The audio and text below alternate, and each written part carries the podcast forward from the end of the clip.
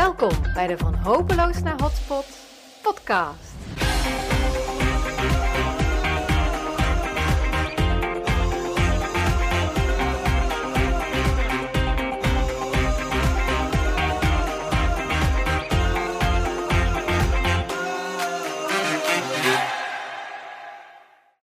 Welkom, leuk dat je er weer bent bij de Van Hopeloos naar Hotspot podcast, waarin we onderzoeken hoe we stadsharten die kampen met leegstand en neergang weer kunnen laten bonken en vibreren van activiteit.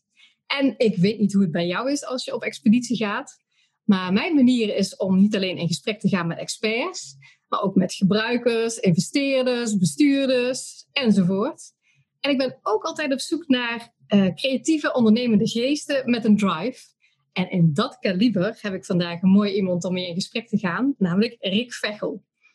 Een ondernemende millennial die ja, eigenlijk juist in binnensteden te vinden is als de winkels gesloten zijn. En waarom is dat nou toch zo? Ik ben zo benieuwd. Dat prikkelt mijn nieuwsgierigheid en ik hoop de jouwe ook. En wie is Rick? Ja, hij heeft een lang cv, dus ik ga maar even heel snel doorheen. Rick is in 2012 begonnen met Vechel Ventures, nog tijdens een studie. Eh, om cultureel ondernemerschap uh, te bevorderen. Hij heeft gestudeerd aan de Hogeschool Zuid, sociaal werk, uh, met een specialisatie richting cultureel ondernemerschap.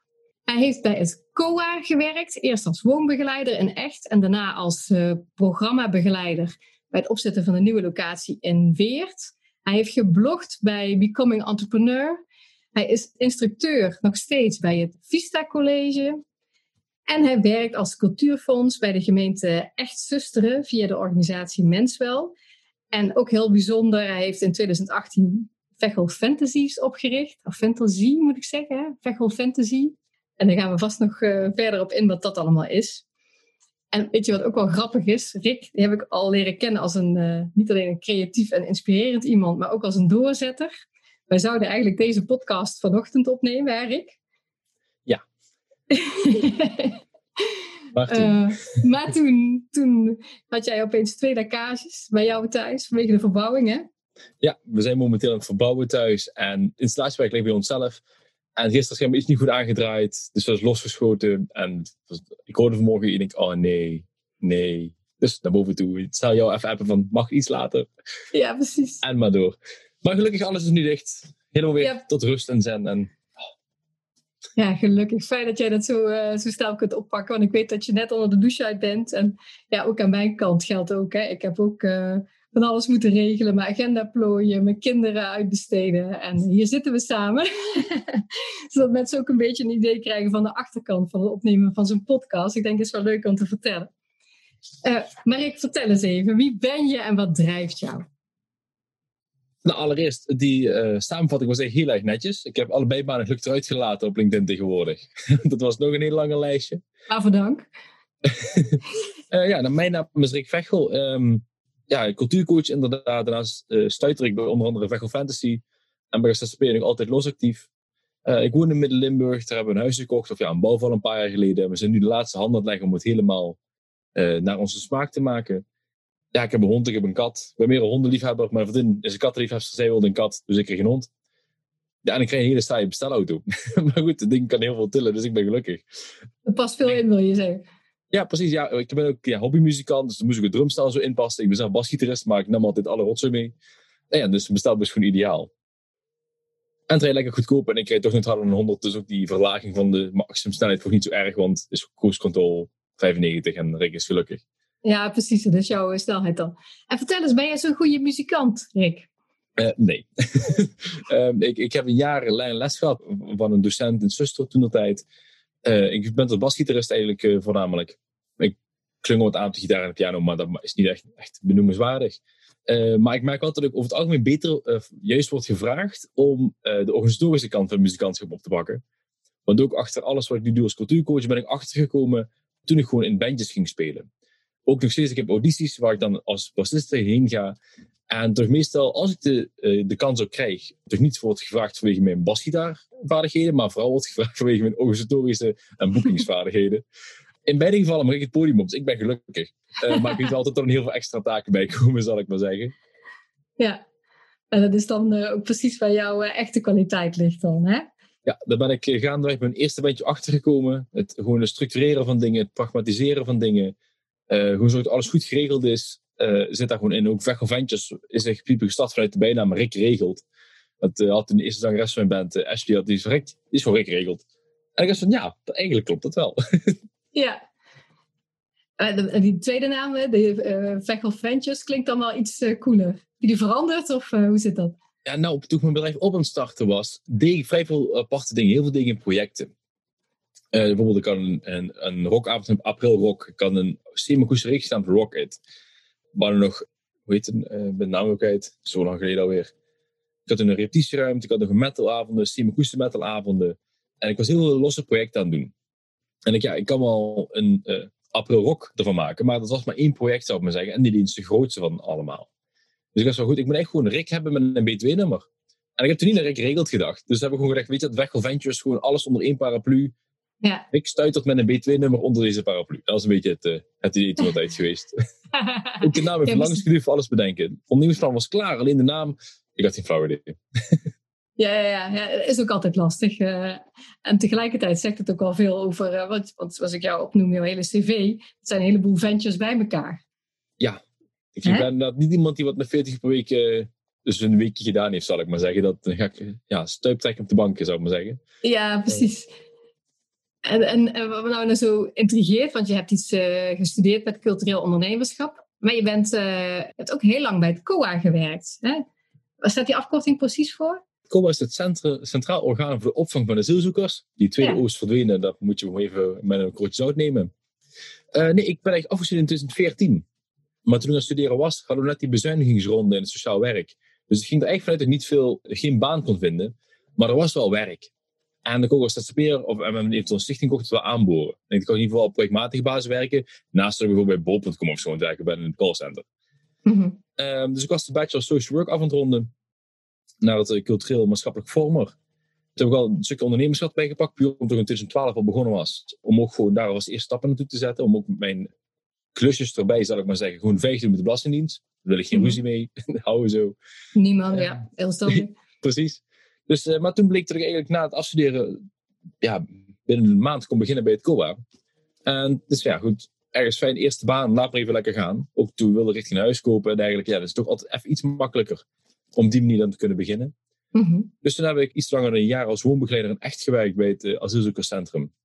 Waar je vooral mensen binnenhaalt en eerst kennismaking met Nederland pakt. En ze begeleidt naar ja, beetje alle dagse zaken. Wij zijn gewend heel papierwerk te hebben uh, met bepaalde normen en waarden in Nederland. En de nieuwelingen moeten die op een of andere manier ook te horen krijgen. Dus moet ik gewoon een week dumpen en zeggen succes ermee. Uh, dus dat begin bij het COA, zal ik maar zeggen. Mm -hmm. En toen kwam die hele rit met Syriërs en Eritreërs er dan bij kwamen. Die grote pieken toen dat tijd, toen heel veel paniek was in het nieuws. Toen heb ik een weert opgestart. En ik heb dus ook nog projecten gedaan in Den Haag en Utrecht. Om daar ook nog wat meer, op, uh, meer beleidszaken, maar ook steeds gewoon kijken naar opvangvormen. Hoe gaan we die verbeteren? Zodat alle mensen een goede stad krijgen als ze mogen blijven. Ja, precies. Dus uh, je hebt eigenlijk in die organisatie best wel behoorlijk veel gedaan, als ik dat even zo snel beluister. Ja, en ook jarenlang met heel veel plezier. Ja. En wat vond je het, uh, het allerleukste daaraan? Oh, dat is een goede vraag. Ik denk dat het bijna voor alles geldt. Ik prijs mezelf succesvol als andere mensen succesvol zijn. Dus daar heb ik een keertje ook wel eens afgesloten met iemand die net in Nederland kwam. En die was heel gedreven om de taal te leren. Ik weet je wat, als jij binnen drie maanden mij kunt verstaan op mijn spreektempo, zorg ik voor een leuke verrassing. Ja goed, het was iets langer dan drie maanden, maar hij heeft wel gewoon gered. En dat soort doelen stellen mensen helpen om die doelen te bereiken op die manier. Een beetje echt het agogisch werk of vanuit het sociaal werk. Het veranderkundige gedeelte, dat vind ik echt ontzettend leuk. Dus ah, laat mensen hebben wat ik kan helpen om hun doelen te bereiken. Super tof, word ik heel erg gelukkig van. Ah ja, oh, dat herken ik ook. Hè. Heet dat agogisch? Ik wist niet dat dat zo heette. Ja, dat kwam ook, het is mijn opleiding achter. ja, ja, ik zag het inderdaad staan bij je opleiding, maar ik denk, ik ken dat woord niet. Dus uh, fijn dat jij dat eens eventjes uitlegt. Is een ja. veranderkundige. In principe is dat het mensen ja. begeleiden naar verandering wat ze willen zien. Ja, of dat de maatschappij wil zien. Ja.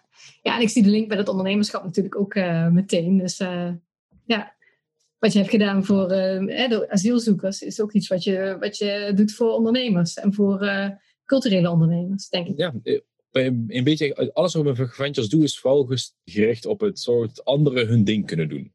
Ook toen ik bijvoorbeeld, als ik even met mijn bandcoaching zat, toen altijd als freelancer, was ook van, het maakt me niet of je jazz maakt of keiharde death metal. Interesseert me helemaal niks, zolang jij maar tof vindt wat je doet. Maar laat me in ieder geval helpen om die zijdingen in orde te maken. Dat je repetitieruimte in orde dat je zonder gehoorschade aan het repeteren bent. Dat je papierwerk in orde is. Dat je die, alsjeblieft geen bandpot aanmaken, maar gewoon een degelijke financiële structuur weet op te bouwen met je geld dat je verdient. Uh, en dat je een beetje op die manier ook alles op een goede manier kunt aanpakken. Dat je structuren kunt leggen van tevoren, zodat je die stappen kunt maken. Ja, precies. Oh, dat herken ik ook wel met, uh, met, met de manier waarop ik werk. Ik maak een soort van platform, hè, waarin al die basisingrediënten geregeld zijn, zodat zo'n, ja, de mensen, maar ook de plek tot bloei kan komen. Dat doe ik ook, ja. Precies dat. Ja. En jij doet nog meer veel met het grondwerk. Uh, en ik moet zo zeggen, dat trekt daarna een beetje meer rennen. ja, ja.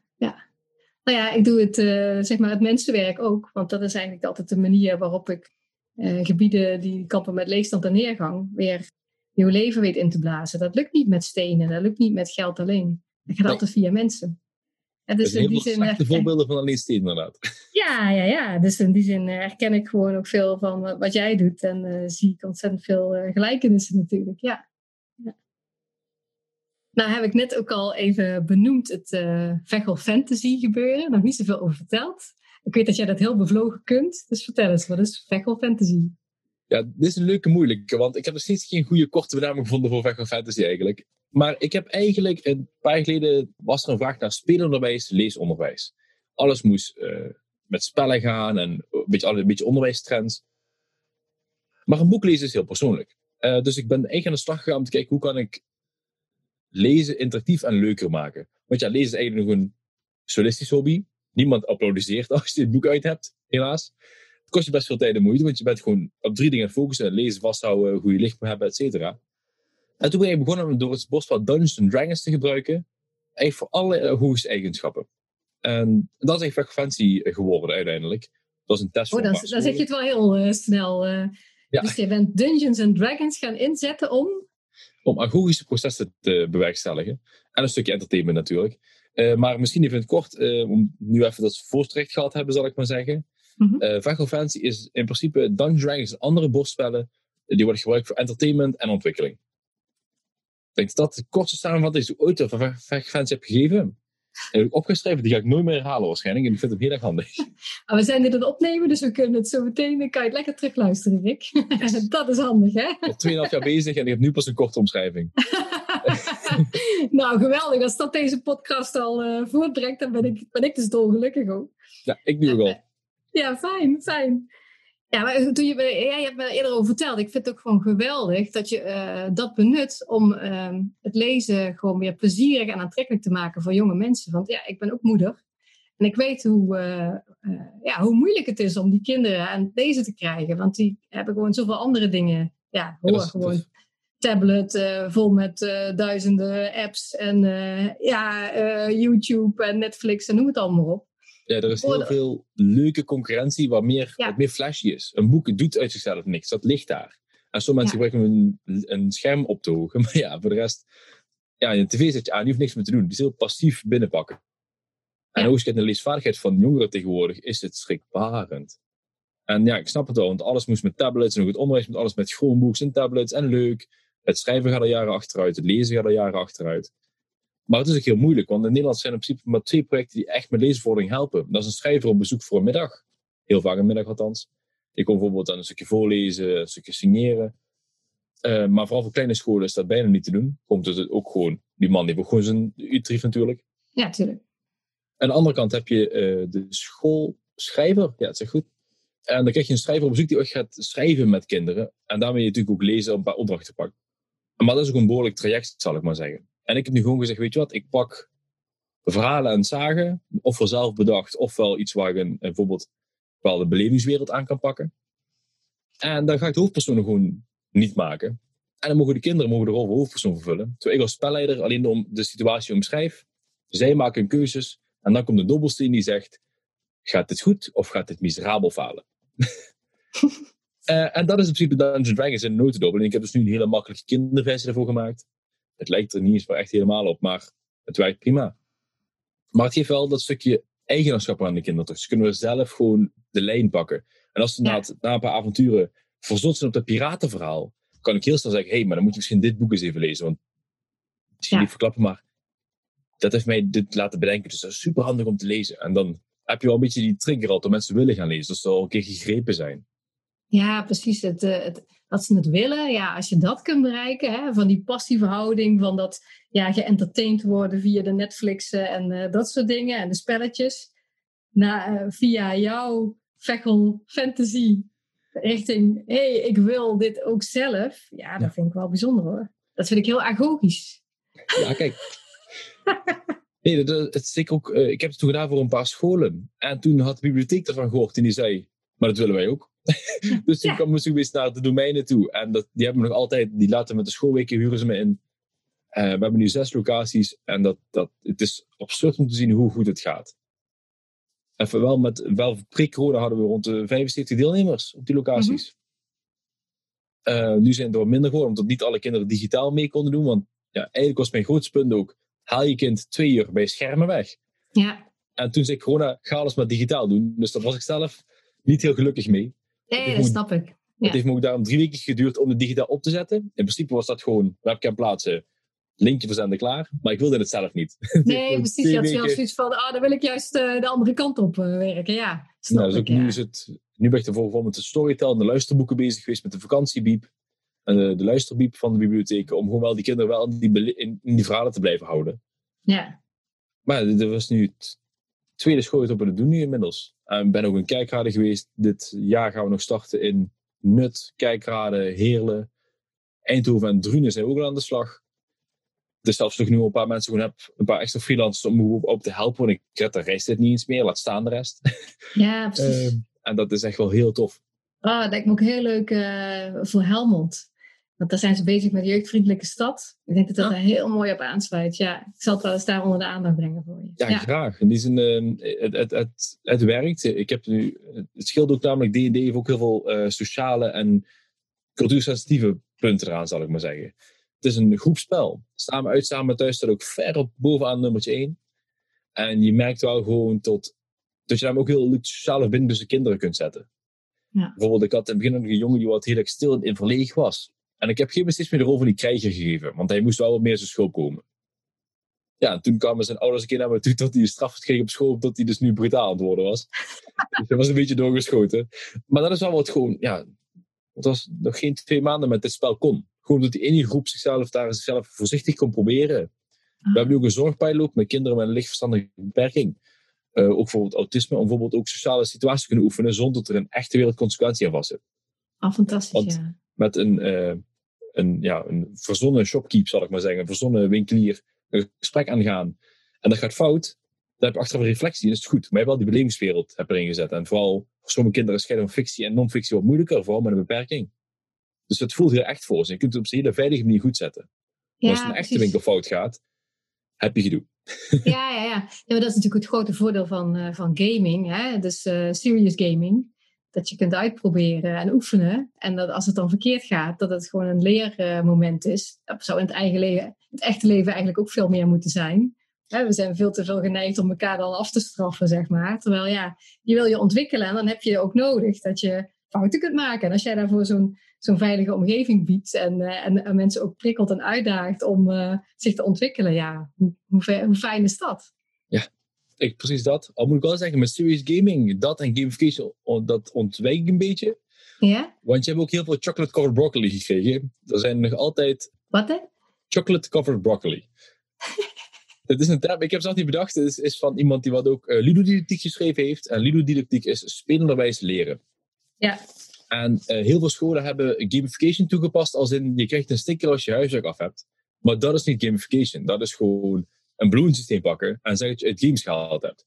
Dus daar zit wel een. Ook sommige scholen zeggen ja, we gebruiken ook DD. Uh, maar dan begin ik heel snel kriebels te krijgen, want dan heb je van nee, je hebt gewoon nu een heel leuk spel heel erg saai gemaakt. Ja, ja, ja, uh, je, hebt alleen maar, je hebt bijvoorbeeld je rapport wordt gedaan in een karakterblaadje.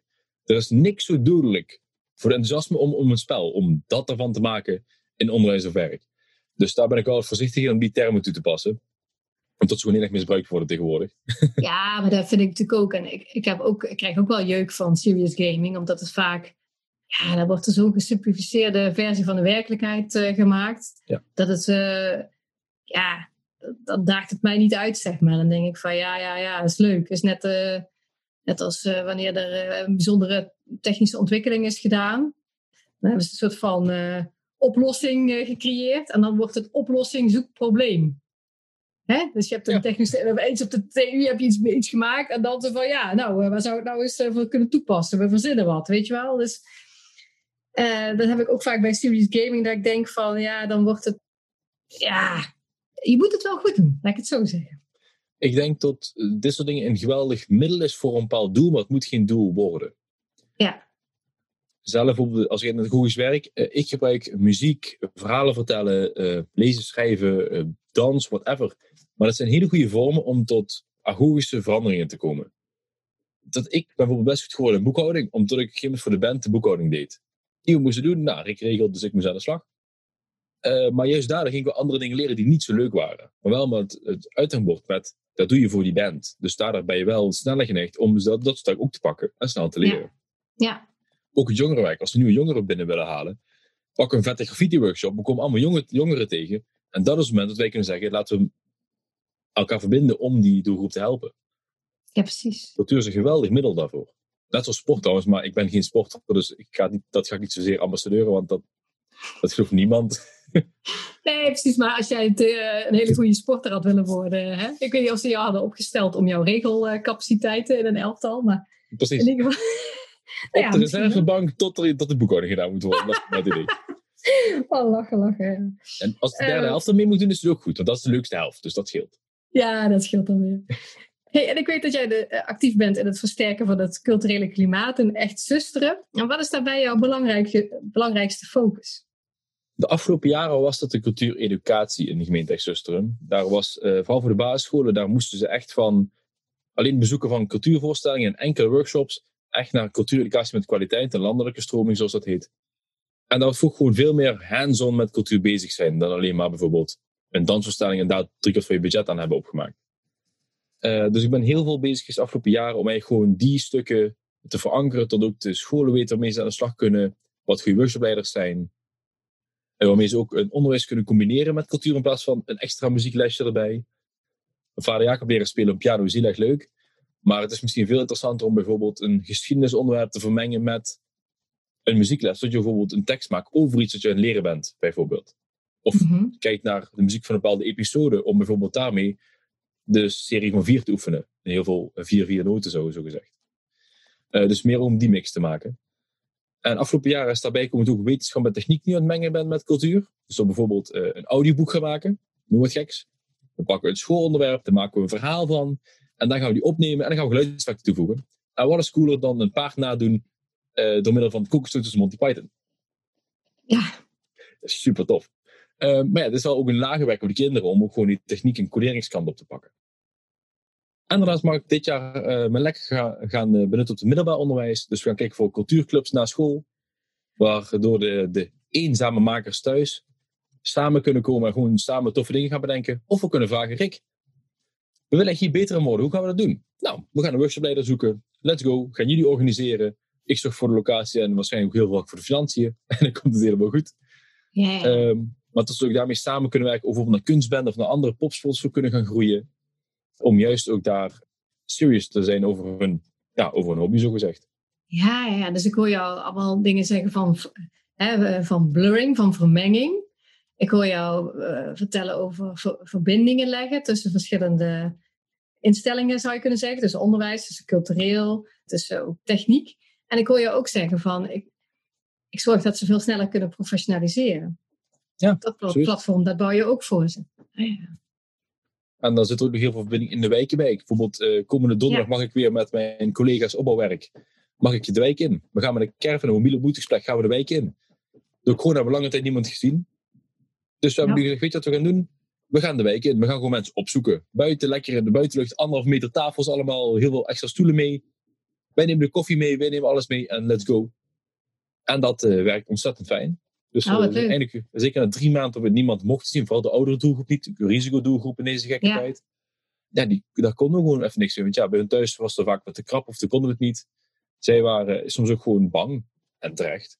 En zijn we langzaam ja. kijken van jongens, weet je wat, we gaan op een centrale plek in de buitenlucht.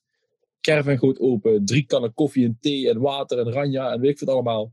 Kom maar. Ik neem wat muziekinstrumenten mee, een soort van groot whiteboard, waar mensen op kunnen schrijven, kunnen tekenen, weet ik veel allemaal. En vooral om mensen gewoon weer, weer eens te zien, eigenlijk. Ja, precies. Dan, dat ze elkaar weer eens ontmoeten ook. En uh, ja, jij zorgt voor de leuke vibe. En inderdaad de caravan met de, de koffie en de thee en de koekjes. Ja, met de teenslipslingers en weet ik veel allemaal. Echt, uh, we hebben het echt heel zomers aangepakt. Uh, allemaal lekker zo'n zo'n bloemenkrans om. Zo lekker van die wijde blouse, korte broekjes, teenslippers. En als we lekker zomers van jongens, ja, laat elkaar gewoon ontmoeten op een veilige, verantwoorde manier. Maar wel dat je tot weer met hoefvuur in de slag kunnen. Ah, ja, ja. En, verveling en, is de grootste vijand van de mens. Daar ben ik ja. zonder meer van overtuigd. En ook de vereenzaming, vooral voor de ouderdoelgroep, ligt op de loer. Dus die contacten zijn heel belangrijk. We kunnen wel blijven bellen. Ja, dan moet je gewoon dat er geen gehoorschade of geen gehoorapparaatje is, wat weer allemaal moeilijk maakt. Videobellen en ouderen is ook niet altijd even makkelijk. Of je hebt alleen maar de onderkant van het gezicht. In mijn geval is het alleen maar haar. Um, of ja, dus dat lukt ook niet altijd even handig. Dus we merken altijd dat er echt wel doelgroepen zijn die we dit echt nodig hebben. En het vergroot onze zichtbaarheid ook heel erg. Als wij in één keer een heel plein afzetten, dan we met een caravan en uh, een fietskar met een tafelblad staan en weet ik wat allemaal. Ja, tuurlijk. Je bent gewoon een uh, soort van pop-up festival uh, op anderhalve meter ben je. Ja, ja, dat, komt, ja, dat is misschien wel de beste omschrijving. oh, wat leuk joh. En dan trek je gewoon allerlei verschillende buurten in. Ja, we hebben in de gemeente Zuster hebben we negen kernen. Dus gaan, elke kern gaan we één keer langs. Ah zo, ja. En uh, ja, goed, momenteel we hebben tussen 20 en 30 personen per keer. Uh, en vooral kleine dorpen, zal ik maar zeggen, is dat heel erg tof.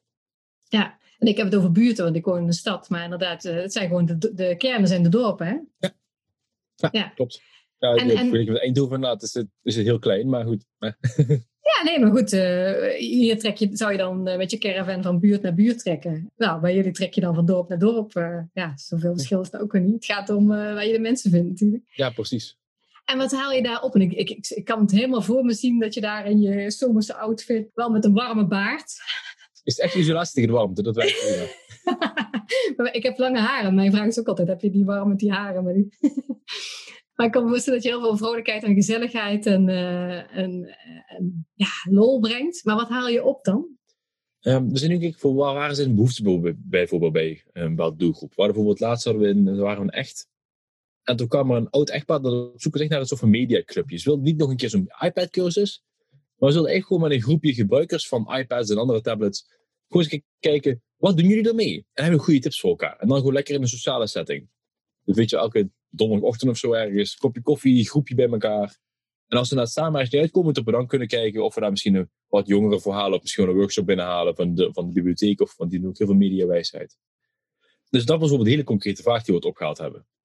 Nou, er waren een paar mensen die, die wat van klagen waren over de voorzieningen. Er was een Zuid boerbaan, maar die was al jaren niet meer onderhouden. Dus dat was echt gewoon zo'n...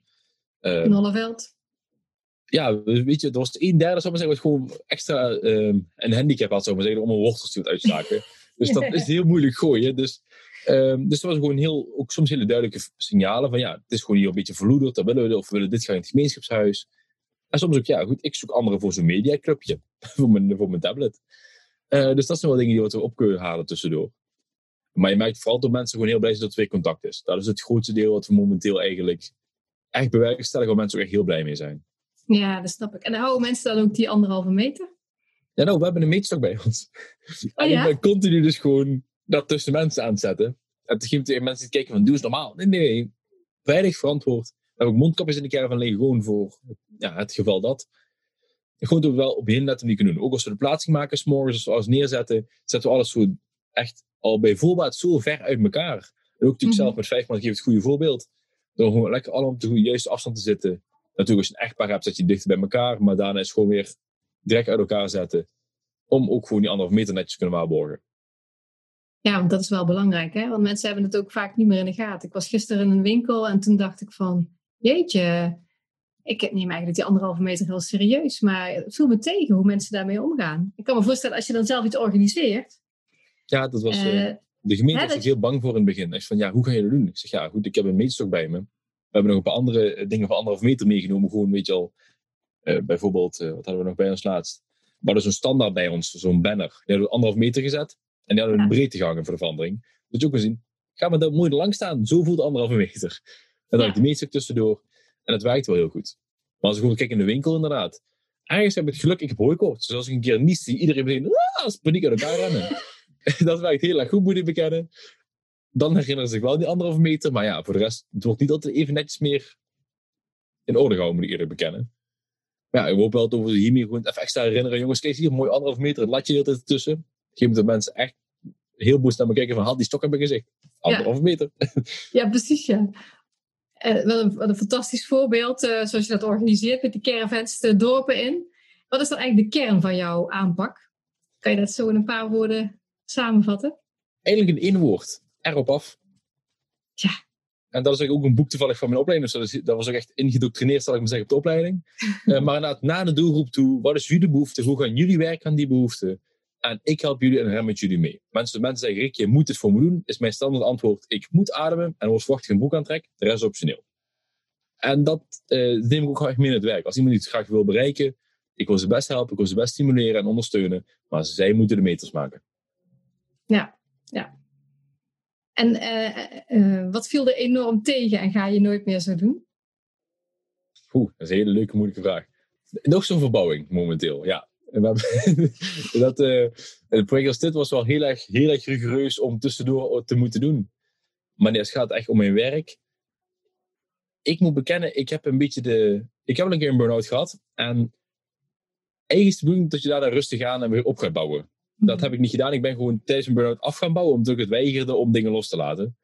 En ik moet wel continu letten dat mijn balans goed blijft. Dat ik echt wel een zekere mix pak tussen mezelf opladen en dingen doen die ik moet doen. Ja. En die balans, daar moet ik eigenlijk wel meer aandacht aan blijven besteden. Ja, ja, ik herken hem helemaal. Ik heb ook een burn-out gehad. En ik denk om dezelfde reden als jij. Omdat ik altijd dat ik het geweldig vind om mensen te helpen en om uh, projecten te ontwikkelen en situaties vooruit te helpen. Oh, tof, oh, tof, oh, tof, oh, tof. Ja, tof. En ja, ja. Moment, mijn rug zit ja. vol. Nee. Ja, precies. Hè? Dus dat je te veel geeft. En, uh, ja, dus uh, ik hoor dat ook wel een beetje terug in wat je net in zo'n bijzin zei van ik, kan mensen, ik wil mensen heel erg helpen, maar ze moeten vooral zelf de meters maken. Ik denk dat je haast een burn-out gehad moet hebben. Ja, dat is een type zoals jij en ik, zeg maar. En veel, aan de vele anderen die ook heel graag mensen helpen en geven. Uh, dus liever zeg ik ze dat aan de voorkant dan dat ze dat uh, moeten ontdekken via een burn-out. Ja, precies. Precies dat, ja. Nee, dat dat wilde je ook zeggen, ja. Zeker ook als je mensen zo wil stimuleren en je merkt sommige gewoon niet lukken, je voelt toch verantwoordelijk ervoor, ga je toch zelf ja. oplossen op een gegeven moment. En ik heb echt wel even moeten leren om dan gewoon soms te zeggen, dan brandt het maar eventjes. ja, precies ja. Nou ja, heel herkenbaar. En dan wil ik nou even een bruggetje maken naar de stadsharten, want dat was een beetje de, de aanleiding. Ja, maar sowieso vind ik het heel leuk om, uh, om met jou in gesprek te zijn en om van jou te leren.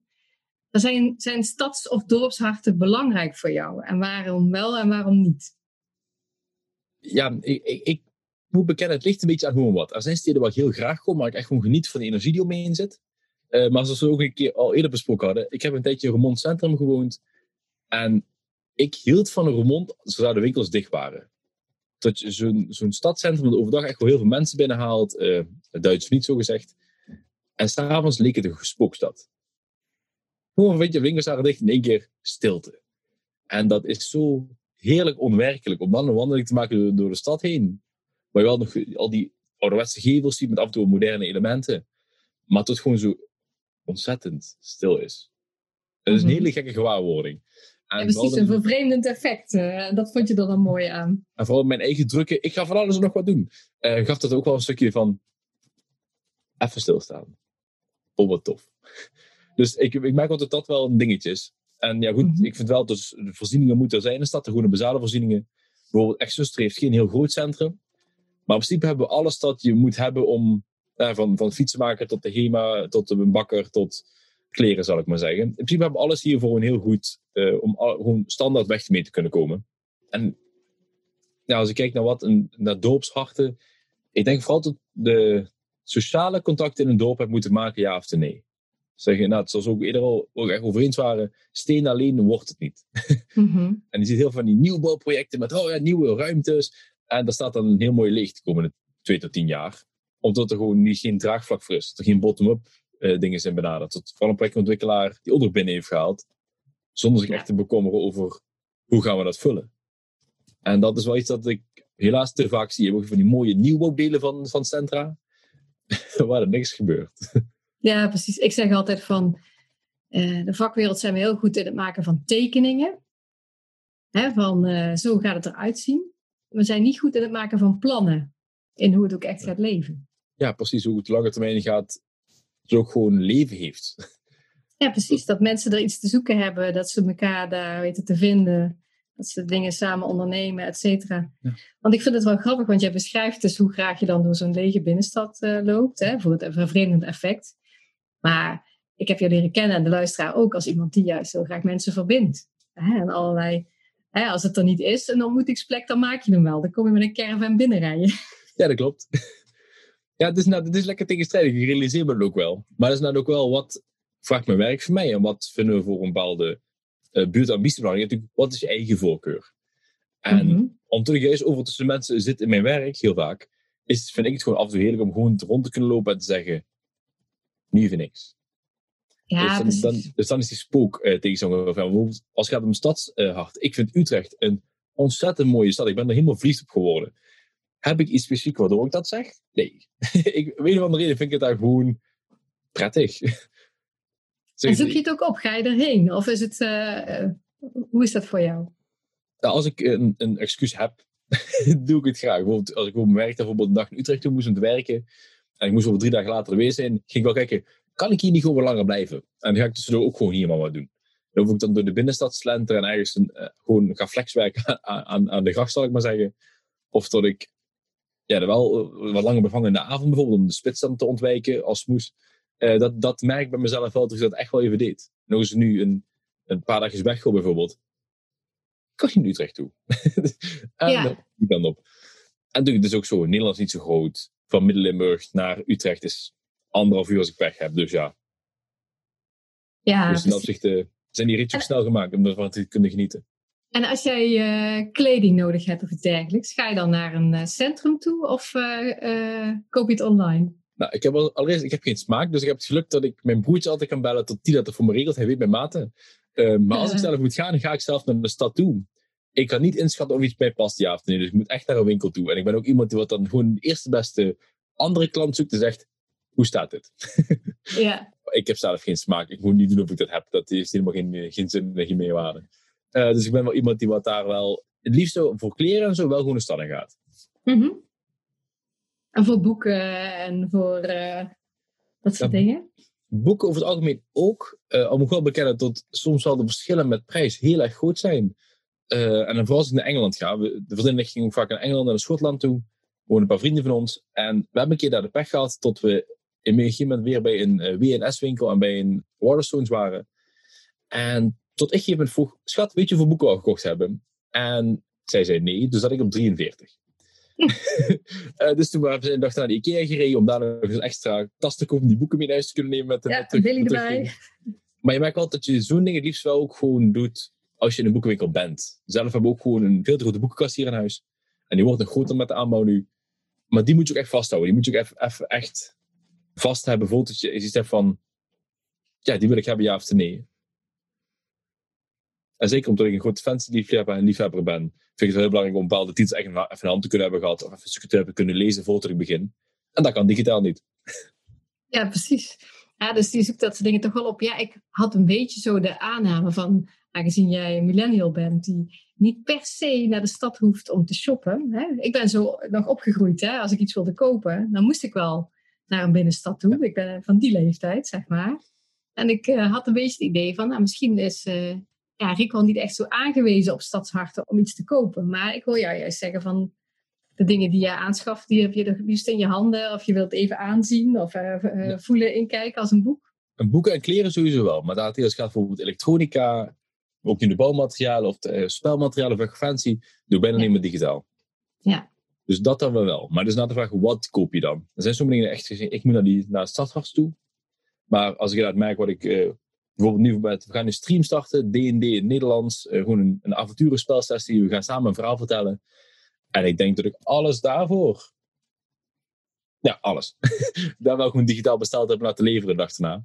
Ja. Bijvoorbeeld probeer niet maar een webcam te krijgen, nog nu in de coronatijd. Niet te doen. dus nee, dan moet je naar een even obscure webwinkel toe, die wat uh, nog ergens in, in, een douche een webcam wil liggen voor me. Ja, ik heb er eentje uit Hongkong over laten komen. Ja, ik herken het. Ik herken het. Precies, ja. Dus uh, dat is niet meer te doen. nou, de stiekem, als ik dat even zo terughoor, dan zijn uh, stadsharten voor jou best belangrijk. Uh, om erin te vertoeven, hè, zoals in Utrecht. Een stukje te werken. Om dingen te kopen. In jouw geval met name kleding en boeken, die je dan ook echt zelf aanpast of aanpakt of wat dan ook.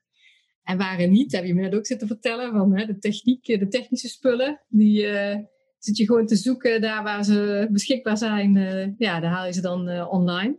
En dan was ik eigenlijk nog wel benieuwd. Zijn stadsharten voor jou belangrijk voor ontmoetingen? Op zich ja, want ik vind het voor mijn werk ook heel interessant hoe dit mijn werk kan helpen. En de blurring wat afgelopen jaar in de retail gebeurde, was daar een hele fijne ontwikkeling in. Uh, bijvoorbeeld tussen mm -hmm. is er een, een, een boekenwinkel genaamd De Kleine Tovenaar. Ah, altijd een tip om een keer te bezoeken. Je komt daar binnen en het is echt fantastisch. Het ziet er echt geweldig leuk uit. Het hebben ze geweldig gedaan. En, uh, maar ze hebben ook een ontmoetingsplek gemaakt. Er is gewoon een grote koffiebar, er is elke dag fly, er is een vies grote tafel in het midden. Waar mensen ook gewoon welkom zijn te vertoeven. En dat is wel een, een heel fijn iets, zou ik maar zeggen. Dus waar je zou echt denken, ja, dat geeft wel dat extra stukje beleving daarbij. Waar uh, bijvoorbeeld biers ook heel goed in zijn. Dat je komt binnen, je krijgt je pilsje, je whisky of een kop koffie. En je hangt er gewoon even lekker. Alvorens je onder het letterlijk een mes gaat in sommige gevallen. En dat zijn wel dingen waar ik denk van ja, dat soort dingen maken wel tot een winkelcentrum meerwaarde heeft voor een jongere generatie. Bijvoorbeeld, het internet kun je heel mm vinden van vergelijken bijvoorbeeld. Uh, in tegenstelling sommige winkels die alleen maar een bepaald product voeren. Ik heb zelf heb in een computerwinkel gewerkt, dus ik weet wel redelijk goed als ik een computeronderdeel moet hebben, wat ik specifiek moet hebben. Daar heb ik op ingelezen, ik kan een beetje even updaten, even opnieuw inlezen van, oh ja, wat zijn de nieuwe ontwikkelingen, maar daar kom ik redelijk snel in. En als de winkelart daar een onderdeel voor moet gaan kopen, kom ik vaak gewoon niet thuis wat ik wil hebben. Dus daar is wel een stukje verschil bij. Uh, wat kun je ook? En kun je ook echt, echt blijven hangen? Of is het puur alleen voor adviesgedeelte, zal ik maar zeggen? Ja, precies. En wat je net zei van, uh, uh, waar vind je dat ook in bioscopen? Of wat zei je nou? Een barbiers. Oh, barbiers! Ja. Ah, ik had het gewoon niet goed verstaan. Ja, ja, ja. Ik praat ook vrij snel. Maar daar, ga je, daar ga je onder het ja. Ja, ja, ik denk even van, uh, wat bedoelt hij nou? Oh, barbiers, ja, weet je. En ik, daar heb ik natuurlijk ook weinig feeling mee, dat snap jij. nee, in die zin, uh, mijn haar en mijn kind is uh, meer dan ik omhoofd heb al meegenomen. Dus dat is bij jou andersom. Ja. Gelukkig. ja, ja, ja, ja nee, prima. Maar ik bedoel meer zo van, ja, ik kom niet in die dingen. Maar dat is ook, ook een soort van ontmoetingsplek dan, een barbier. Of wat? Ja, in heel veel gevallen wel. Het is zelfs zo, in Rotterdam is er Schorum. En ik ben nooit geweest, maar alleen, dit was een keer een Pauwnet, een van de, gewoon zo'n interview met ze. En daar staat ook de bordje dat vrouwen niet welkom zijn. Dus pure mannenhangplek is voor die dag. en die hebben zich heel specifiek erop gericht om gewoon puur ontmoeting voor mannen te zijn. Je bent daar, in principe de, de daddy daycare zou ik maar zeggen. daar hebben ze ja, ja, ja, ja, En juist dat soort aanpak, dat soort winkels, dat soort unieke situaties maken wel tot zo'n stadshart leeft. Want als ik kijk tegen heel veel, in sommige zaken komen en denk van ja, uh, die winkelmedewerkers zijn gewoon dozenschuivers. Dus wat moet ik hier? Ja, dan moet die marketingcommunicatie meneer of mevrouw al heel veel moeite hebben dat het er mooi uitziet. Maar voor de rest zit daar geen meerwaarde bij. Mm, geen bezieling, ja. Ja, precies, zo is hoe ja. En, en, en, niet zoveel kennis. En uh, ja, ik snap wat je wil zeggen. Terwijl als de, de echte gewoon een geweldige ondernemer is en die er helemaal over heeft nagedacht. En een bijzondere plek precies voor hè, mensen zoals jij creëert en uh, je daar in de watten legt op zijn manier. Ja, dat is, dat is inderdaad heel aantrekkelijk. Ja. Ik vind het een leuk voorbeeld. En, en... Een vriend van mij die heeft, zit er een koffiebar nu gestart. Of eigenlijk een, koffie, een apparatenwinkel voor koffie. En die heeft er een espresso bar bij gezet. En onder een keertje een paar flexwerkplekken. Dat is super handig op alle fronten.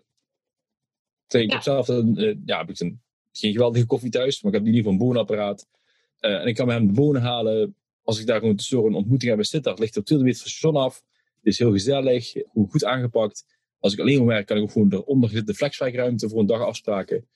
En dat zijn wel net die, die winkelconcepten waar je echt van denkt, ja, daar kan je een dag vertoeven. Daar kun je ook even zijn, in plaats dat je even snel in en uit vliegt. Maar goed, daarentegen het parkeerbeleid van heel veel steden laten dan nog wel heel erg te wensen over. Het andere deel ja, van de zeggen van, Ja, ja, ja dan, dan, dan, kom je er niet. En ik wilde sowieso nog vragen aan jou van in hoeverre zijn binnensteden, stadsharten voor jou belangrijk voor het ondernemen? Voor het, voor het ondernemen zelf?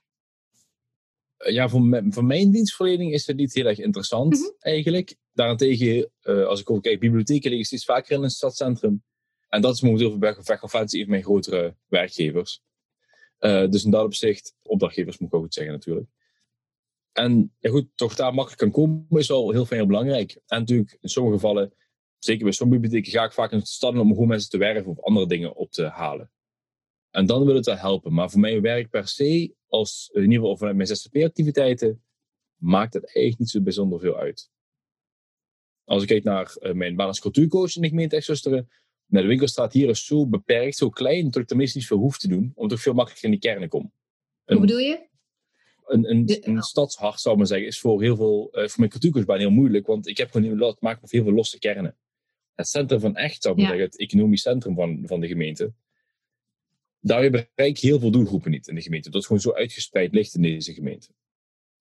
Dus daar heb ik oh, ja. niet, niet zoveel aan een stadshart. Precies, het is uh, niet, niet zozeer echt het centrale ontmoetingspunt van al die kernen, van al die dorpen. Nee, nee, precies. Die hebben al meer allemaal een eigen identiteit. En ook echt van, ik kom uit P, ik kom uit P. En dat is niet echt, weet je wel, heel erg uh, verdedigend over hun, over hun wijk. Uh, deels ook heel terecht, want het is een stukje identiteit wat je daar aan ontleent. Maar ja, goed, het centrum van P is in principe de, waar je Linders ligt. en Lidl. Dat is het hele centrum wat ze daar hebben. En heel veel dorpen hebben een gemeenschapshuis dat redelijk centraal ligt. Maar dat is het ook verder. En, en hoe leeft het in de dorpsharten? Is daar ook veel leegstand of valt het mee? Ja, goed, heel veel dorpsharten zijn vooral gemaakte bonen. En dan scheelt wel een heleboel. En vooral met de kleine dorpen waar ik nu heel veel in werk, dat zeggen gewoon vaak, je bent er geboren en meestal keren mensen terug. Mits de kern interessant genoeg is voor mensen met jonge kinderen in veel gevallen. We hebben bijvoorbeeld ook een dorp in mijn, regio Roosteren. Die heeft de pech dat de school daar helaas uh, zijn fysieke deur heeft moeten sluiten in de kern. Omdat er gewoon te weinig leerlingen waren. Dus wat wel jonge, jonge gezinnen die wat nu aan het kijken zijn van huis, gaan daar niet meer naartoe, want ze missen gewoon de school. Ze weten gewoon dat ze nu elke keer veel verder moeten reizen om morgens kinderen naar school te brengen. Omdat niet netjes doen met de fiets. En zeker niet voor alle leeftijden. Dus daar merk je wel tot uh, voor een dorpshart, tot bijvoorbeeld een stukje van onderwijs dat belangrijk is en een plek waar ze samen kunnen komen, liefst met verenigingen of misschien wel losse beeldverbanden. Dat is wat ik vanuit mijn professionele zin daar wel heel erg in merk en ook heel graag zie. Ja, en er zijn dus uh, dorpskernen, dorpen, waar, waar niet meer genoeg mensen zijn voor basisscholen, hoor ik jou zeggen. Ja, die zijn er ook gewoon. En simpelweg ook natuurlijk waar, waar is het werk af te nemen. Limburg heeft qua werkgelegenheid niet meer de meest brede aantrekkingskracht, zo gezegd. Zie je bijvoorbeeld heel veel mensen met een creatief vak, die blijven niet hier vak hier in het zuiden, maar die gaan juist naar, heel stom, maar waar de overheid de meeste subsidie in toegebracht heeft in het verleden. Uh, dat begint een beetje bij Eindhoven, gaat dan omhoog, zal ik maar zeggen dat merk je wel heel erg goed. Hm. Ja, dat uh, blijft ook niet een Eindhoven plak hoor. Ja, dat, daar komt er mee terecht en tot hier blijft, zal ik maar zeggen. Dus uh, heel beetje nog een ja, beetje concurrentie biedt, maar er is er ook mee gezegd. Ja, nee, dat is toch veel meer in de Randstad hoor. Ik kan even het percentage niet opnoemen, maar het is echt een, uh, een fractie wat uh, naar Eindhoven gaat. In ieder geval als je het hebt over subsidies. In Eindhoven is het toch veel meer het ecosysteem waar mensen elkaar opzoeken van bedrijven ja. instellingen onderling. Waar de business in zit en, en niet de subsidies. Nee, er is ook helemaal bijvoorbeeld geen Rijksmuseum hè, onder de rivieren. Nee. Wordt nu keihard aan gewerkt in Eindhoven. Maar, uh, en toen moesten alle basisscholen opeens één keer per jaar daar naartoe. Uh, maar sorry hoor, maar veel stukken in mijn gemeente. Best is 2,5 uur de kinderen in die bus. 2,5 uur terug. En wat heb je bij Rijksmuseum gezien? Ja, volgens mij niet genoeg, als ik eerlijk ben. Nee, nee, precies, precies, ja. Heel andere vraag. Zijn er ontwikkelingen in jouw leefomgeving waar je je aan ergert? Ja. Uh, die moet ik wel oppassen, want ik woon natuurlijk ook in de gemeente waar ik werk, dus ik niet op, de, op tienen gaan trappen. Maar stiekem mij ook wel een beetje wel. Ik kan heel moe worden van wisselend afvalbeleid van gemeentes, ja of nee. Er zijn heel veel grote verschillen onderling. En ik merk bijvoorbeeld ook dat heel veel wat papier ophalen wordt dan bij verenigingen neergelegd. Van doen jullie dat maar in het dorp? Dan krijg je echt subsidie voor. En dat is soms heel goed gedaan, soms heel slecht. En als ik echt mijn eigen leefomgeving, kan ik me soms storen aan de welstandscommissies in Nederland. En bijvoorbeeld hier, waar ik hoorde zeggen, als jij eh, je laken om te luchten uit het raam aan de voorkant van je huis hangt, kun je daar voor een boete krijgen. En ik dacht, sorry, wat ga je doen? en toen zei ik, ik moet toch op een manier luchten, ja, doe mijn achterkant van je woning. Oké, dus ik moet in principe een raam bijslijpen om mijn laken te luchten, omdat jij het niet mooi vindt tot een laken aan mijn voorkant van mijn huis hangt voor een halve dag. dat, dat was schijnbaar echt een ding. En dat zijn hele persoonlijke eisen en willekeuren. En daar was iets van, Ja. dat schiet er misschien wel iets te veel in door. Ja, ja, ja. Dan wordt het gewoon te, te bemoeiend. eh. Ja, dat er echt zo'n eh, zo'n van, eh, ik bepaal hoe je huis eruit moet zien. Maar heel vaak zijn welkomsten buurtbewoners. Eh, en natuurlijk is het ook de vraag, hoe goed lig je dan in je dorp met de buren? En nu scheelt dat in mijn geval dat ik daar heel goed mee om kan gaan. Maar ik kan me zo voorstellen dat je, als je niet meteen welkom bent, dat het ook heel moeilijk wordt om op zo'n moment gewoon je huis prettig te maken. Ja, precies. Dan wordt het, eh, wordt het te persoonlijk. Ja, aan de andere kant zijn natuurlijk, is overal het welstandsbeleid eh, heel erg aangepast. Hè. Vaak heet het nou commissies ruimtelijke kwaliteit, waarbij ze zich echt op de hoofdlijn eh, terugtrekken. Het is, Dat- het is minder betuttelend aan het worden, kan ik jou geruststellen. Mooi, hier nog niet, want dat was hier nog geen jaar geleden. Dus hier is nog even oefenen, denk ik. Er zal iets achter liggen. Maar ja, dat is, dat, dat is een mooie ontwikkeling. Dat is heel fijn. Dan is het nu al bonus. Je kijkt er al naar uit, ja. Heb jij een gouden tip voor binnensteden die kampen met leegstand? Ik denk voornamelijk tot er moet leven in de brouwerij zijn. Is een, een, een kun je heel snel vullen met grote concerns. Dat is heel makkelijk, want die pakken heel snel heel veel vierkante meters. Eh, maar het is misschien ook keer gewoon fijn om een centrum terug te brengen naar goed kunnen vertoeven. En je hebt heel veel gedoe voor hangjongeren en hangouderen. Maar die zijn wel nodig eigenlijk om tot mensen zich überhaupt kunnen binden aan een dorp of stad. Dus hou op met al die mensen weg te jagen uit het centrum. En daarbij hoort het ook, zeker in het tweede geval, maak parkeren op zijn minst gemakkelijk. Als het nog niet goedkoop is, maak het dan gemakkelijk. en niet Ja, ja, ja, shoppen, dan moet je uit de stad weg zijn. Ja, dat is flink rennen af en toe. Ja, ja, ja. Dat stond, heb je niet zo'n app? Zo'n parkeerapp? Ja, en ik moet bekennen, eh, ja, die zijn er. Eh, die zijn er in grote getalen. Maar ergens word ik ook heel moe van alle apps die ik moet installeren. Ja, dat weet ik, dat snap ik. Maar het is wel heel- een hele handige app. Want dan eh, weet ik veel hoe die heet. Ik zal het wel voor je opzoeken. Maar dan kan je gewoon je auto parkeren. En dan hoef je niet eh, op te letten hè, dat je meter afloopt. Dan hoef je niet te kijken van, is het uur al voorbij? Het geeft Maar gewoon heel veel rust. Klopt, maar er zijn ook steden die wat andere apps gebruiken dan... En we toch vier apps moeten hebben voor, om, om mijn werk te kunnen doen. En dan gaat er toch iets... Ah, zo, ja, ik heb... Ja, ja, ja, dat snap ik. Nee, dat zou onzin zijn. Ik heb één app die overal eh, wel werkt. Dus, eh, Nou, dan ben ik dus wij doen ze hun best om dat een beetje aan elkaar te koppelen. En ik vind voor de, eh, die andere vind ik heel grappig wat je zegt. Van, eh, eigenlijk heeft een stadshart heeft hangjongeren en hangouderen en hangmannen en hangvrouwen nodig. ja, ja, om te verbinden. Ik denk even aan, die, aan een, soort van waslijn waar ze allemaal aan hangen. Als je het woord hangjongeren en hangouderen gebruikt. Ja. Ja, dat beeld heb ik even in mijn hoofd. Zo van, ja, dat, daar moet vooral ook ruimte voor zijn. Ja, want als die blijven hangen, dan maken ze een binding met je stadstad of staddorp. Die worden op een gegeven moment door een stukje verantwoordelijkheid ingezet. Ook voor ons van jongerenwerk. Die zijn heel bezig met, wees verantwoordelijk voor je eigen plek.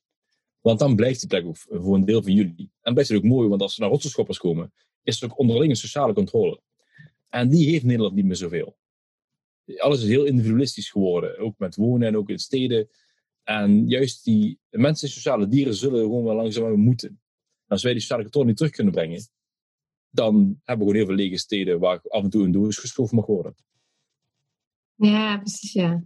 Ja, sociale controle, misschien wel gewoon sociale samenhang. Ik denk dat, Ja. je, daar, dat je daarin zoekt, hè? Ja, Ja, sociale controle is een beetje de term die ik ervoor geleerd heb. Maar nou, precies, de samenhang daar moet er gewoon zijn. Dat er een gezamenlijke verantwoordelijkheid is.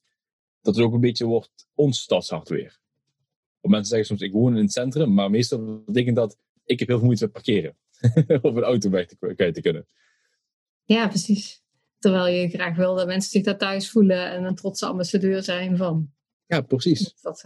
En ook het leven in de brouwerij brengen. En ook eh, gewoon een goede relatie hebben met die winkel die eronder zit. In plaats van dat er heel geklaagd wordt over elkaar. Ja, ja, ja. Ja, het organiseren van het collectief. Ja, dat je het samen prettig hebt. Ik snap het. Eh, een hele andere vraag. Heb jij, een- eh, ik heb van jou gehoord, je bent een eh fervente boekenlezer. Heb jij een bepaald boek dat jou heeft geïnspireerd en dat je de luisteraar zou willen aanraden? Op zakelijk vlak vind ik de wet van Snuff van Jos Burgers geniaal. Ik vind die man sowieso fantastisch. Het is een hele cabaretachtige manier van marketingtips. Ja, ik vind het echt een geweldige man. En de wet van Snuff gaat eigenlijk over het geven en nemen. Hoe meer aandacht je geeft, hoe beter tot je eh, ook dingen gaat ontvangen. En dat werkt heel erg goed in heel veel zakelijke aspecten. Het werkt ook in privé-aangelegenheden. Wat je geeft, privé krijg je ook terug. Hij geeft zelf voor van zijn eigen hond Snuff. Als hij thuis binnenkomt, wie staat je dat voor te begroeten? Zijn hond Snuff. En wat kreeg Snuff daarvoor terug? Knuffels van, oh je komt eruit, oh schattig beestje. Uh, als hondenliefhebber is dat voor mij heel erg relateerbaar. Daarentegen, uh, met de vriendin is het een stuk minder enthousiast. Misschien natuurlijk bij ook niet meteen, oh, oh schatje, ben er weer. En gelukkig misschien ook maar. uh, niet meteen op die manier binnenkomt. Mhm. En dat soort wel aandacht over geven en nemen. En dat is een heel praktisch klein boekje. Maar ik vind hem er heel waardevol bij. En op privévlak. Ik heb een jaar aantal geleden naamswijziging gehad. Vanwege allerlei gedoe uh, rondom de situatie. En mijn achternaam komt uit een boek door Simone van der Vlucht. Ik heb mijn naam mogen wijzigen in een eigen keuze. Toen heb ik de naam van hoofdpersoon een beetje veranderd. Om dat als mijn eigen achternaam te mogen dragen. En dat was het boek Bloedgeld van Simone van der Vlucht. Dat vond ik zo'n tof, inspirerend personage. Hoe die van een piratenleven zo goed mogelijk dingen probeert te doen. Nog echt, het zegt van ja, dit is tof. Dit is iemand die ondanks tegenslagen nog op een goede manier doorgaat. Inzet. En dat vond ik echt ontzettend tof. Zie ik hem nog altijd wel. En, uh, en, dus heb je ook die naam gekozen of zo? Of hoe? Ja, het hoofdpersonage heet Reinoud van Vechel. En dan Vechel is het dorpje in Nederland. En ik heb dus nu Rick Vechel als mijn als, ja, vooral de achternaam is toen veranderd. Naar Vechel met C. Het was uniek in Nederland en toen mocht het. Ik heb zelfs hier nog mijn, uh, het bewijsje hangen. Dat mijn naam officieel veranderd was. Getekend Ach, door de, de, directeur dienst Justus toen dat tijd. Dat was nog echt 16 eh, weken afzien om dit gedaan te krijgen. Ja, dat, dat was gewoon... Dat, dat dingen, ja. En dat soort personages wat van een hele uh, moeilijke situatie wel het goede eruit proberen te halen, heb ik altijd heel erg inspirerend gevonden.